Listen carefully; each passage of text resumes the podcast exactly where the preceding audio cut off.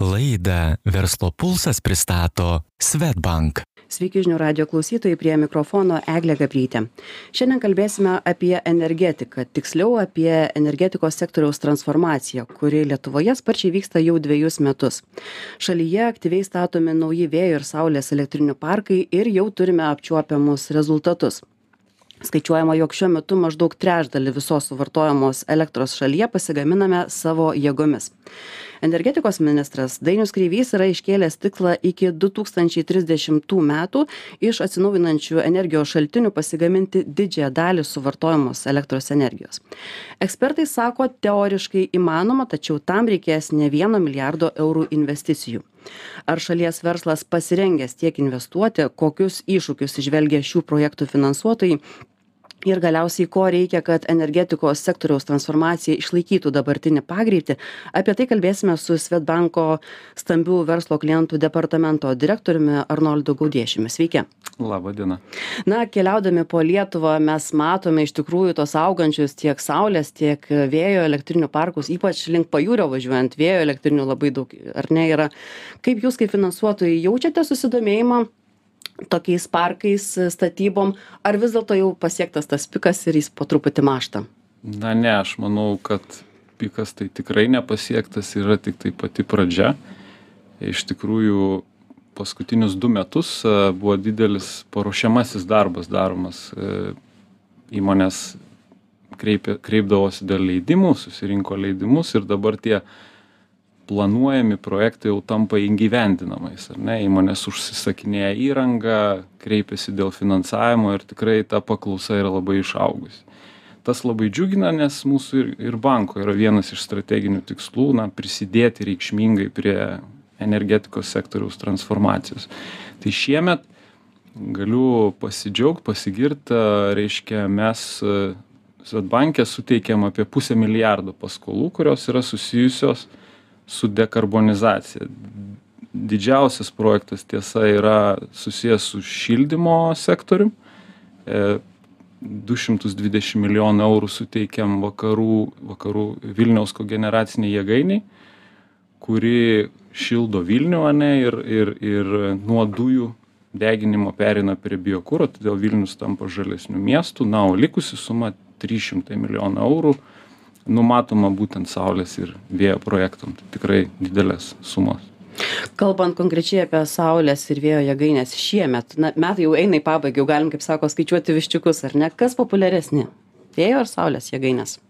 E, kai paklausite, jeigu, kaip pažiūrėsi, jeigu skaičiumi, tai natūralu, kad e, saulės elektrinės, nes jos yra gerokai mažesnės savo apimtimi, e, jeigu kalbam apskritai apie klientų skaičių nes mes esam bankas daugeliui gyventojų ir įmonių ar ne ir a, kuriame tokius sprendimus kurie būtų prieinami kuo, kuo didesniam klientų ratui. Tai pavyzdžiui, šiuo metu esam suteikę 6,5 milijono eurų finansavimą 800 namų ūkių, kurie pasistatė ar ant stogo, ar nutolusią elektros jėgainę taip pat finansuojam ir nedideles bendroves tačiau tiek namų ūkiai tiek bendrovės dažniausiai skolinasi rečiau skolinasi dažniau daro iš nuosavų lėšų kadangi tai nėra labai didelė investicija ir jie žiūri šitą investiciją daugiau kaip į apsidraudimą nuo elektros kainų svyravimo nei skaičiuoja ten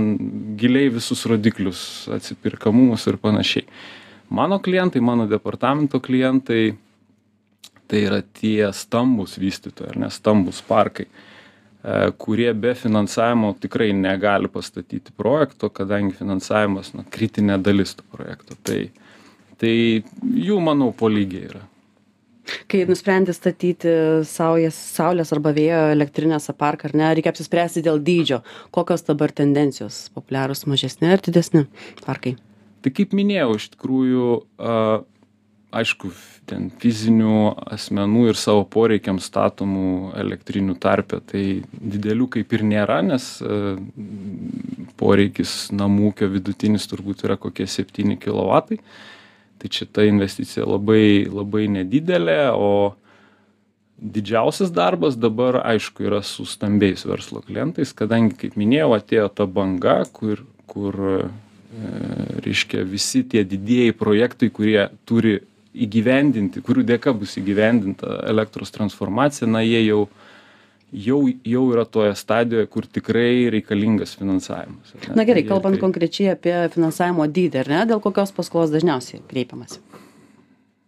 E, jeigu tai yra tas stambus parkas tai iš tikrųjų gal reiktų per santykinį dydį tai e, vienas megavatas e, vėjo energijos vienam megavatui išvystyti vėjo energijos reikalingas vienas milijonas eurų o paskolos o vienam megavatui saulės e, reikalinga maždaug galime paskolint maždaug keturis šimtus penkiasdešim tūkstančių. Tai tai tiesiog kokį turi tą parką pasidaugini iš to ir maždaug aišku kokia ta suma. Bet šiaip vidutiniškai sakyčiau nuo dvidešim iki penkiasdešim milijonų eurų kaip jūs atsirenkate kokius projektus e, finansuoti? Tikriausiai na ne kiekvienas prašantis gauna tą paskolą. Taip taip. Čia nu čia yra uždavinys žinoma nes paklausa paklausa susijusi su šituo piku yra tikrai kol kas manau yra didesnė nei apskritai bankų galimybės. Vien iš tos pusės kad bankai turbūt e, valdantys riziką na nenori vienam sektoriui per didelės sumos suteikti visada yra kažkokia riba kad nebūtum priklausomas nuo to sektoriaus. Bet kaip ir minėjau mes laikom čia labai strateginiu savo tikslu dėl to du metus dirbom ant tam tikrų gairių ir kviečiam visus klientus pasikalbėti dėl dėl finansavimo o tos gairės nustato daugiau mažiau kelią kuriuo mes eisime ar ne? Tai tai tose gairėse ar apskritai realybėje gal du tokie pagrindiniai kriterijai kuriuos aš išskirčiau ir kuom kuom projektai skiriasi. Tai vienas dalykas yra vystytojas natūralu nes jisai ar jisai turi papildomą kažkokį tai alternatyvią veiklą ir papildomą pinigų srautą ar ar yra išvystęs jau tokį parką ar ne ar panašų kažkokį kokia jo patirtis ir ir panašiai kokio stiprumo tai yra vystytojas nu ir kitas kokia bus elektros kaina už kurią bus parduodama pagaminta energija. Nes čia mes susiduriam su gal trim tokiom situacijom. Kai kurie klientai sugeba reiškia užsitikrinti elektros kainą per pirkimo pardavimo sutartis tai vadinami ppa tokie. Ir jeigu klientas užsitikrina tą pardavimo kainą mes daugiau mažiau kaip ir žinome konkrečiam metų skaičiui į priekį kiek e, tas parkas sugeneruos e, pajamų. Tada mes atitinkamai savo paskolą e, galime suteikti palankesnėmis sąlygomis su stabilesniu srautu kuris aptarnaus tą paskolą. Tuo tarpu jeigu klientas neturi tokių sutarčių na jis yra jis tada žaidžia rinkos kainą ar ne ir priklausomai nuo to kokia bus situacija toj rinkoj turės vienokias ar kitokias pajamas. Tai projektai kurie yra daromi ant rinkos kainos yra mažiau patrauklūs tuo pačiu nenoriu pasakyt kad mes tokio projekto negalėtumėm prafinansuot. Mes turime reiškia metodologiją ir tokį projektą prafinansuot tik greičiausiai tai bus šiek tiek prastesnėm sąlygom ir mažesni projektai. Na atsižvelgiant į lietuvos klimato sąlygas man asmeniškai atrodo jog investuoti į vėjo jėgaines yra kur kas patraukliau nes vėjo turim daugiau ar ne negu saulės. Kaip jūs kaip projektų tokių finansuotojai įžvelgiate skirtumus tarp saulės ir vėjo jėgainių rizikos ir visa kita? Jūs e, teisingai galvojat ta prasme ilgą laiką taip ir buvo nes e, anksčiau saulės elektrinės kainavo gerokai brangiau nei dabar. Jos yra labai reikšmingai atpigusios per per paskutinį dešimtmetį ir e, bet iš principo taip vėjas vėjo jėgainės efektyvumas yra aukštesnis būtent dėl tų technologinių parametrų kadangi e, kadangi kadangi mes labiau vėjo kraštas ir ir ir dėl to lyg ir vėjo jėgainės labiau atsiperka ne? Bent jau anksčiau tai buvo kad labiau atsipirkdavo. Bet paskutiniu metu mes e, stebim tokį trendą kad e, dabar pradėjo pigti saulės elektrinių moduliai. Reiškia sumažėjo pati investicija. Tuo tarpu vėjo elektrinių e, reiškia vėjo elektrinės pradėjo brangti dėl to kad e, yra sutrikimai tiekimo grandinėse. Tam tikri gamintojai susidūrė su techninėm problemom. Čia buvo spaudoje paminėtas siemens ar ne?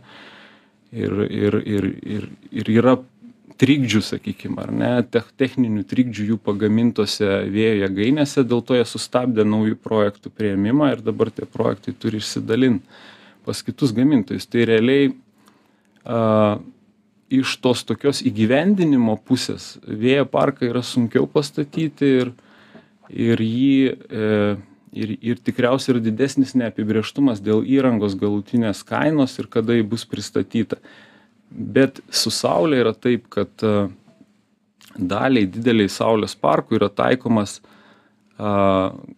taikomi galios arba tinklo apribojimai.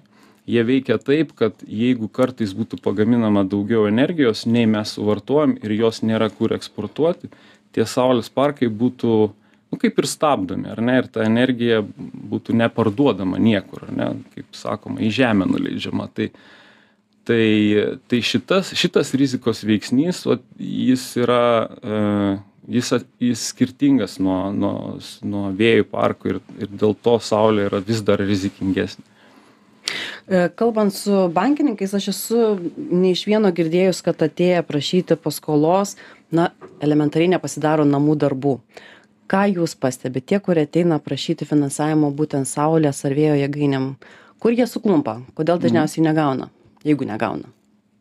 Tai iš tikrųjų di, didžioji dalis ar net tų didelių vėjo parkų vystytojų ar saulės parkų vystytojų, jie yra profesionalai. Tai ta prasme, e, tai nėra pirmą mėnesį daromi projektai ir jie būna gerai, klientai būna tikrai gerai pasiruošę. Bet e, pagrindinė diskusija ir, ir, ir, ir, ir, ir esminė gal diskusija ne, yra apie tai, e, koks bus pinigų srautas ar ne iš iš tos sugeneruotos elektros energijos. Ir tam kad jį pagrįsti na klientam reikia kažkokių tai arba sudarytų ilgalaikių sutarčių su su potencialiais pirkėjais nu arba labai konkrečių prielaidų dėl elektros kainos. Tai e tai mes skatiname turėt labai tokį kaip paruoštą išsamų pinigų srauto pinigų srauto tokį modelį ar ne ant kurio galėtume kartu dirbti ir diskutuot apie prielaidas ane ir nusistatyt. Tai jeigu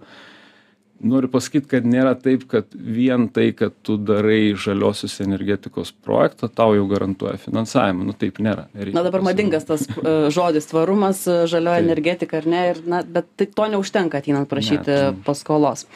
Na gerai jūsų prognozės. Jūs sakot kad dar nepasiekėm piko ir dar domėj besidomėj besidominčių yra daug ar ne? Kiek ilgai dar domėsis e, tiek privatūs asmenys tiek įmonės kiek ilgai dar norės statytis vėjo saulės elektrines aš aš manau kad a, mes turim tokią situaciją ar ne kad dabar visi tie e, leidimai kurie yra išduoti ar ne vystyti saulės ir vėjo elektrines na jie taps a, jie turi tapti projektais nes a, klientai yra sumokėję tam tikrus pinigus ar ne deponavę tam tikras lėšas a, už tai, kad gautų tuos, tuos leidimus. Tai klientai yra perėję iš, a, iš, a, iš, kaip minėjau, iš tos parengiamosios fazės į, į gyvendinimo fazę ir čia geriau, čia turbūt reikėtų paprognozuoti, kiek, kiek iš tikrųjų realu, ar ne, kiek tų projektų įsigyvendins, nes leidimų yra išduota maždaug 2,5 gigavato vėjo ir jei neklystu virš penkių gigavatų ar arti penkių gigavatų saulės. Tai vat kiek iš tų gi gigavatų bus išvystyta? Ir mes čia padarėm tokį pratimą komandoje ar ne? Įvertinom kiekvieno tų projektų kadangi kaip minėjau jų nėra didelis labai skaičius a galimybę prisitraukt finansavimą reikia suprast kad ne tik bankai yra finansavimo šaltinis yra ir alternatyvių kaip instituciniai bankai pavyzdžiui ebirdi ane kaip kaip žaliosios obligacijos kurios europoje plinta kaip galų gale gebėjimas pasiskolint ant grupės balanso. Ir mes įvertinom kiek kiek iš tikrųjų tų projektų gali būt padaryta ar ne? Ir ir vėjo atveju mes galvojam kad visi du su puse gigavato ir bus padaryti. E, ten nėra jokių techninių apribojimų šitiem leidimam išduota o didžiąją dalį, gal 80 procentų vysto, nu, vos ne kaip sakoma, he, ant rankos pirštų gali suskaičiuoti, kiek tų vystytojų ten vysto. Tai yra labai patyrę vystytojai. Saulėje e, apribojimai galiai yra taikomi, e, netaikomi vienam gigavatui iš tų keturių a, su plus ir likusiem yra taikomi. Tai mes darom prielaidą, kad tam vienam gigavatui pavyks pritraukti finansavimą, o tam, kas, a, e, kam taikomi apribojimai, vėlgi išrinkome tokius e, vystytojus kurie tikrai turėtų alternatyvių finansavimo šaltinių ir suskaičiavome dar vieną gigavatą tai tokia prognozė pamąstymas gal daugiau e, yra kad dar du kablelis šeši gigavatų turėtų būti išvystyta saulėje iki iki 2027. Teisingai suprantu, kad na, iššūkių ir rizikų susijusių su vėjo ir, ir saulės elektrinių finansavimo ateityje turėsime, ar ne? Taip. Taip. Na gerai, e, kaip pradžioje užsiminiau ministro kreivio tokį norą užsibrėžtą tikslą iki trisdešimtų metų iš atsinaujinančių energijos šaltinių pasigaminti didžiąją dalį energijos šansų yra jums jeigu reikėtų prognozuoti Taip, čia, čia toks ir kaip ir pagrindinis klausimas, ar ne, visos, reiškia, transformacijos. Ir aš dėl to ir paminėjau, kad mūsų nuomonė realistiniu scenarijum tokiu realistiškesniu scenarijum su sąlyga kad bus pritrauk pritrauktas pakankamas finansavimas turėtų veikti tuo dvidešim septintais maždaug turėtų veikti trys gigavatai a galios instaliuotos galios vėjo energetikos ir du kablelis šeši du kablelis aštuoni saulės. Ir na kalbant procentais kad įsivaizduot ar ne tai, kiek mes pasigaminsim kiek realu? Tai vat įdomi dalis yra tai kad jeigu perskaičiavus į teravatvalandes sugeneruojamą elektros energiją tai čia šitas kiekis jau iš principo yra toks kokį šiandien suvartojam apskritai lietuvoj ar ne? Tai čia kaip ir gera žinia nes aš manau kad su šitais pajėgumais mes apversime e, tą importo ir vietinės gamybos proporciją ir tikrai didžiąją reikšmingą dalį mes pasigaminsime patys esant trūkumui turime jungčių su kitom šalim su su švedija ar ne pavyzdžiui ir ir importuosime iš tenai. Bet priklausomybę nuo iškastinio kuro nuo dujų ir apskritai nuo importo tikrai sumažinsime reikšmingai. Dėl sekančio žingsnio į priekį žiūrint ar ne jeigu mes norim tapti jau visiškai šimtą procentų nepriklausomi gaminti viską iš žaliosios ener energijos ir eksportuoti nes ambicija yra tapti eksportuojančia šalim. Tai tai aš manau kad e, reikalinga. Bus kažkokia tai valstybės e, intervencija tam tikru metu nes e, tiesiog dėl tų apribojimų ir dėl to kad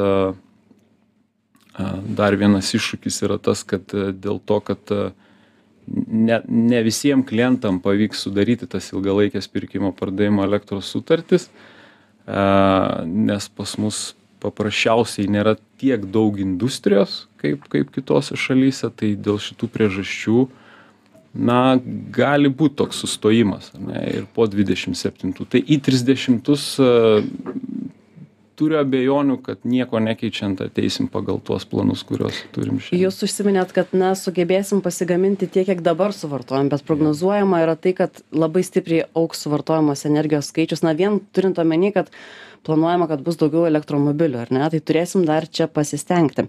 Na kaip matom dabar judam geru tempu kalbant būtent apie energetikos sektoriaus transformaciją jūsų įžvalgos. Na ko reikia kad mes išlaikytumėm tą gerą pagreitį kurį dabar turime jūs kaip paminėjot apie pusantro karto planuojama kad užaugs elektros energijos paklausa dėl dėl elektrifikacijos būtent transporto dėl industrijos elektrifikacijos šildymo ir panašiai. Tai tai tai iš principo vat kas yra e, pagrindinis iššūkis ar ne šiandien tai kaip truputėlį jau prieš tai kalbėjau kad kuo kad kuo kuo kuo didesnė dalis ar ne tų projektų turėtų ilgalaikes pirkimo pardavimo sutartis e, su kažkokiais klientais ir su pirkėjais. Ne? Tai e, paklausa galimybė sudaryt tokias sutartis e, apriboja mūsų pramonės dydis ne tai mes neturim kitos išeities kaip tą perteklinę elektros energiją